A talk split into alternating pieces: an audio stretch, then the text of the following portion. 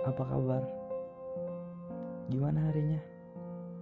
Menyenangkan apa tidak? Jangan lupa senyum ya. I'm Yogi Sofian, welcome to podcast Jarak dan Waktu.